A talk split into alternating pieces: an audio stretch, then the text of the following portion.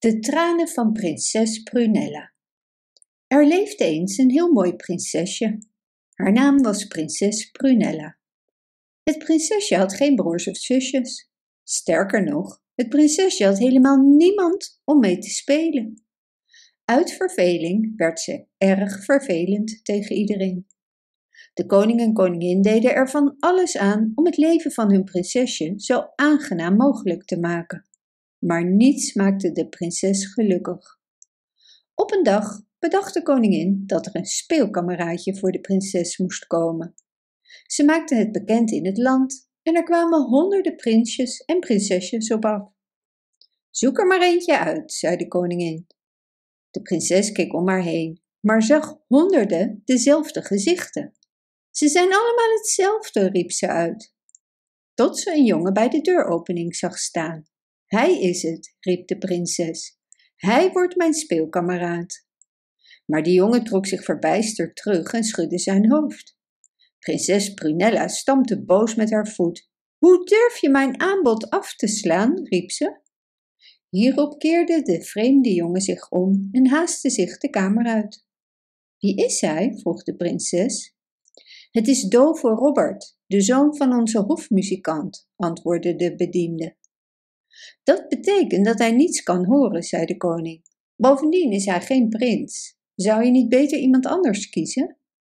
Maar de prinses zei: Ze zijn allemaal hetzelfde, maar de zoon van de hofmuzikant heeft een prachtige blik op zijn gezicht. Ik wil hem als speelkameraad. De koning en koningin dachten dat ze er over een aantal dagen wel anders over zou denken. Maar de prinses haalde haar paard en verliet het kasteel op zoek naar dove Robert, waarvan ze wist dat hij in het bos woonde. Eenmaal aangekomen bij het muzikantenhuisje keek Robert verbaasd naar haar op vanuit de prachtige bloementuin. De prinses sprong van haar paard en liep naar de jongen en pakte zijn hand. Hallo, zei ze zacht, ben jij ongelukkig? Ik was alleen ongelukkig omdat ik niet kon horen wat je vanochtend tegen me zei, legde hij uit. Oh, riep de prinses, je kunt me nu horen. Ach ja, zei dove Robert, ik kan je nu horen omdat je zo vriendelijk spreekt. Alleen als mensen boos zijn en grof praten, kan ik ze niet horen. Ben je altijd doof geweest? vroeg de prinses verwonderd. Bij mijn geboorte heeft mijn vader elfen uitgenodigd. Hij mocht een geschenk voor mij kiezen en toen koos hij ervoor dat ik doof moest zijn voor elk geluid dat niet mooi was. Dus daarom heb je zo'n prachtige blik op je gezicht, zei de prinses. Kom met me mee naar het kasteel. Maar de jongen zei: Ik kan niet met je meegaan. Het is in het kasteel zo afschuwelijk stil. Ik hou van de geluiden in het bos. Hoor je ze niet? En de prinses schudde nee en wist de jongen toch over te halen met haar mee naar het kasteel te gaan. Toen de koning en koningin zagen hoe gelukkig hun dochter nu was, zeiden ze niets meer over het feit dat de jongen geen prins was. Ze losten het probleem op door hem de status van markies te geven. Nu zou je denken dat de zoon van een hofmuzikant, die plotseling tot markies en speelkameraad van een prinses werd gemaakt, de gelukkigste jongen ter wereld zou zijn. En toch, hoewel hij elke dag meer van de prinses ging houden, was Robert de droevigste persoon in het hele hof. Hij werd stiller en stiller, en naarmate de dagen voorbij gingen, merkte uiteindelijk ook de prinses op dat hij veranderd was. De prachtige blik is van je gezicht verdwenen, zei ze. Ben je niet gelukkig hier? Toen zei de jongen: Ik ben ongelukkig omdat ik de geluiden van de stad niet kan horen. Ik zou willen dat je met me mee in het bos ging wonen. Maar in het bos kan ik geen geluiden horen, zei de prinses. Dat komt alleen maar omdat je alle verkeerde dingen hoort, zei de jongen. Als je ooit de geluiden van het bos zou kunnen horen, zou je niet meer terug willen naar de stad.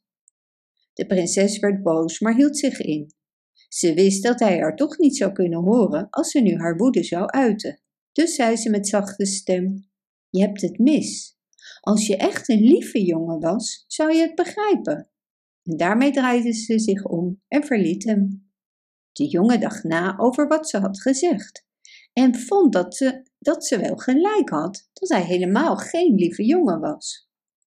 Die middag prikte de prinses in haar vinger en ze begon te huilen. De jongen staarde haar aan. Wat ben je aan het doen, Prunella? vroeg hij haar ernstig. Nou, ik huil natuurlijk. Dat zou jij ook doen als je jezelf net zo erg in je vinger had geprikt. Huilen, wat is dat? vroeg de jongen. En waarom zou je zoiets nutteloos doen? Het zou toch beter zijn om een pleister te halen? Het is geen pleister wat ik wil, antwoordde de prinses bedroefd. Als mensen huilen, willen ze natuurlijk getroost worden. Maar als ik je niet kan horen huilen, hoe moet ik je dan troosten? vroeg de jongen. Dat is het gewoon, snikte de prinses. Je zou me moeten kunnen horen huilen. Dan zou je een echte lieve jongen zijn. En toen begon ze verschrikkelijk te huilen en hield haar gezicht achter haar handen verborgen. Toen ze eindelijk haar handen voor haar ogen weghaalde, was haar speelkameraad verdwenen. Robert haastte zich naar huis. Zijn vader zuchtte een beetje toen hij zijn zoon bij de poort zag binnenkomen. Want ook hij zag meteen dat de prachtige blik van het gezicht van de jongen was verdwenen. Wat is er aan de hand? vroeg hij bezorgd. Vader, waarom heb je de feeën laten komen bij mijn geboorte? Dat is gemakkelijk te beantwoorden, zei de hofmuzikant. Ik had voor jou de wens dat je je hele leven lang alleen maar mooie geluiden zou horen. Maar welke geluiden zijn dat precies? vroeg zijn zoon. De hofmuzikant glimlachte. Kun je mijn muziek niet horen? vroeg hij. Jazeker, zei Robert, maar wat nog meer? Nou, zei de muzikant, kun je de geluiden van het bos niet horen? Vroeger kon ik dat, zei Robert bedroefd, maar nu is het bos stil geworden en ik kan de prinses niet horen huilen. Wat een onzin, riep de hofmuzikant. Tranen maken een zeer onaangenaam geluid. En je zou enorm teleurgesteld zijn als je de prinses zou horen huilen. Je begrijpt het niet, riep Robert. Jij bent ook niet aardig. De tranen van mijn prinses maken het zoetste geluid ter wereld. En ik zal niet rusten voordat ik heb geleerd hoe ik het moet horen. Toen draaide hij zich om om terug het bos in te gaan waar hij doelloos ronddwaalde. En daar zou de jongen nog ronddwalen als hij niet plotseling een feeënjongen was tegengekomen. Hallo, zei de feeënjongen, wat is er met jou aan de hand? Ik ben erg ongelukkig, want ik ben geen echte lieve jongen, antwoordde Robert. En dat zou jij moeten weten, want het komt allemaal doordat de feeën bij mijn geboorte op bezoek kwamen. Dat is helemaal niet waar, riep de feeënjongen verontwaardigd. Het komt door je vader die het beter wist dan wij. Als de feeën je bij je geboorte niet hadden bezocht, zou je niet eens een echte lieve jongen willen zijn. Het kan allemaal zo zijn, klaagde de jongen, maar je hebt vast geen idee hoe onaangenaam het is om een jongen te zijn zonder een echte lieve jongen te zijn. Waarom ga je dan niet leren een echte lieve jongen te zijn? vroeg de feeënjongen. Hoe leer ik dat dan? vroeg Robert. Jij belachelijke jongen, riep de feeënjongen. Wel, de eerste persoon die jij ontmoet, zal je dat kunnen vertellen. Dus liep de jongen verder door het bos in de hoop iemand tegen te komen die het hem kon vertellen. Hij deed er drie dagen over tot hij in de ochtend van de vierde dag de rand van het bos bereikte. Daar zag hij een oude vrouw zitten. Hoera, riep Robert. Weet je dat jij de eerste persoon bent die ik ontmoet heb? En dat jij mij gaat vertellen hoe ik een echte lieve jongen kan worden? Ik zal het je meteen vertellen, zei de oude vrouw glimlachend. Dit is wat je dan moet doen: iets dappers en iets aardigs, en iets dwaas en iets wijs. Als je daarna nog geen echte lieve jongen bent, is het je eigen schuld. Toen liep ze om een bramenstruik heen en verdween. Dus liep Robert verder op zoek naar een dappere daad. Dit duurde niet lang, want dezelfde dag nog passeerde hij een kasteel waar een reus een prinses gevangen hield. Robert riep de reus en daarop kwam de reus onmiddellijk naar buiten. De reus dacht dat hij de jongen gemakkelijk kon doden, maar het tegenovergestelde gebeurde. Robert versloeg de reus en bevrijdde de prinses, die meteen riep: Dat is de dapperste daad die ik ooit iemand heb zien doen. Daarna zwierf de jongen een groot aantal dagen rond, zonder dat hij een wijze of dwaze daad kon vinden om te doen. Er ging twee jaar voorbij en nog had hij niet geleerd hoe hij een echte lieve jongen moest zijn. Op een dag toen hij over een landweg liep, kwam hij een meisje met een kudde koeien tegen. Waarom kijk je zo verdrietig? vroeg ze. Omdat ik mijn prinses twee jaar geleden huilend heb achtergelaten en sindsdien ben ik bij haar weg geweest, antwoordde de jongen.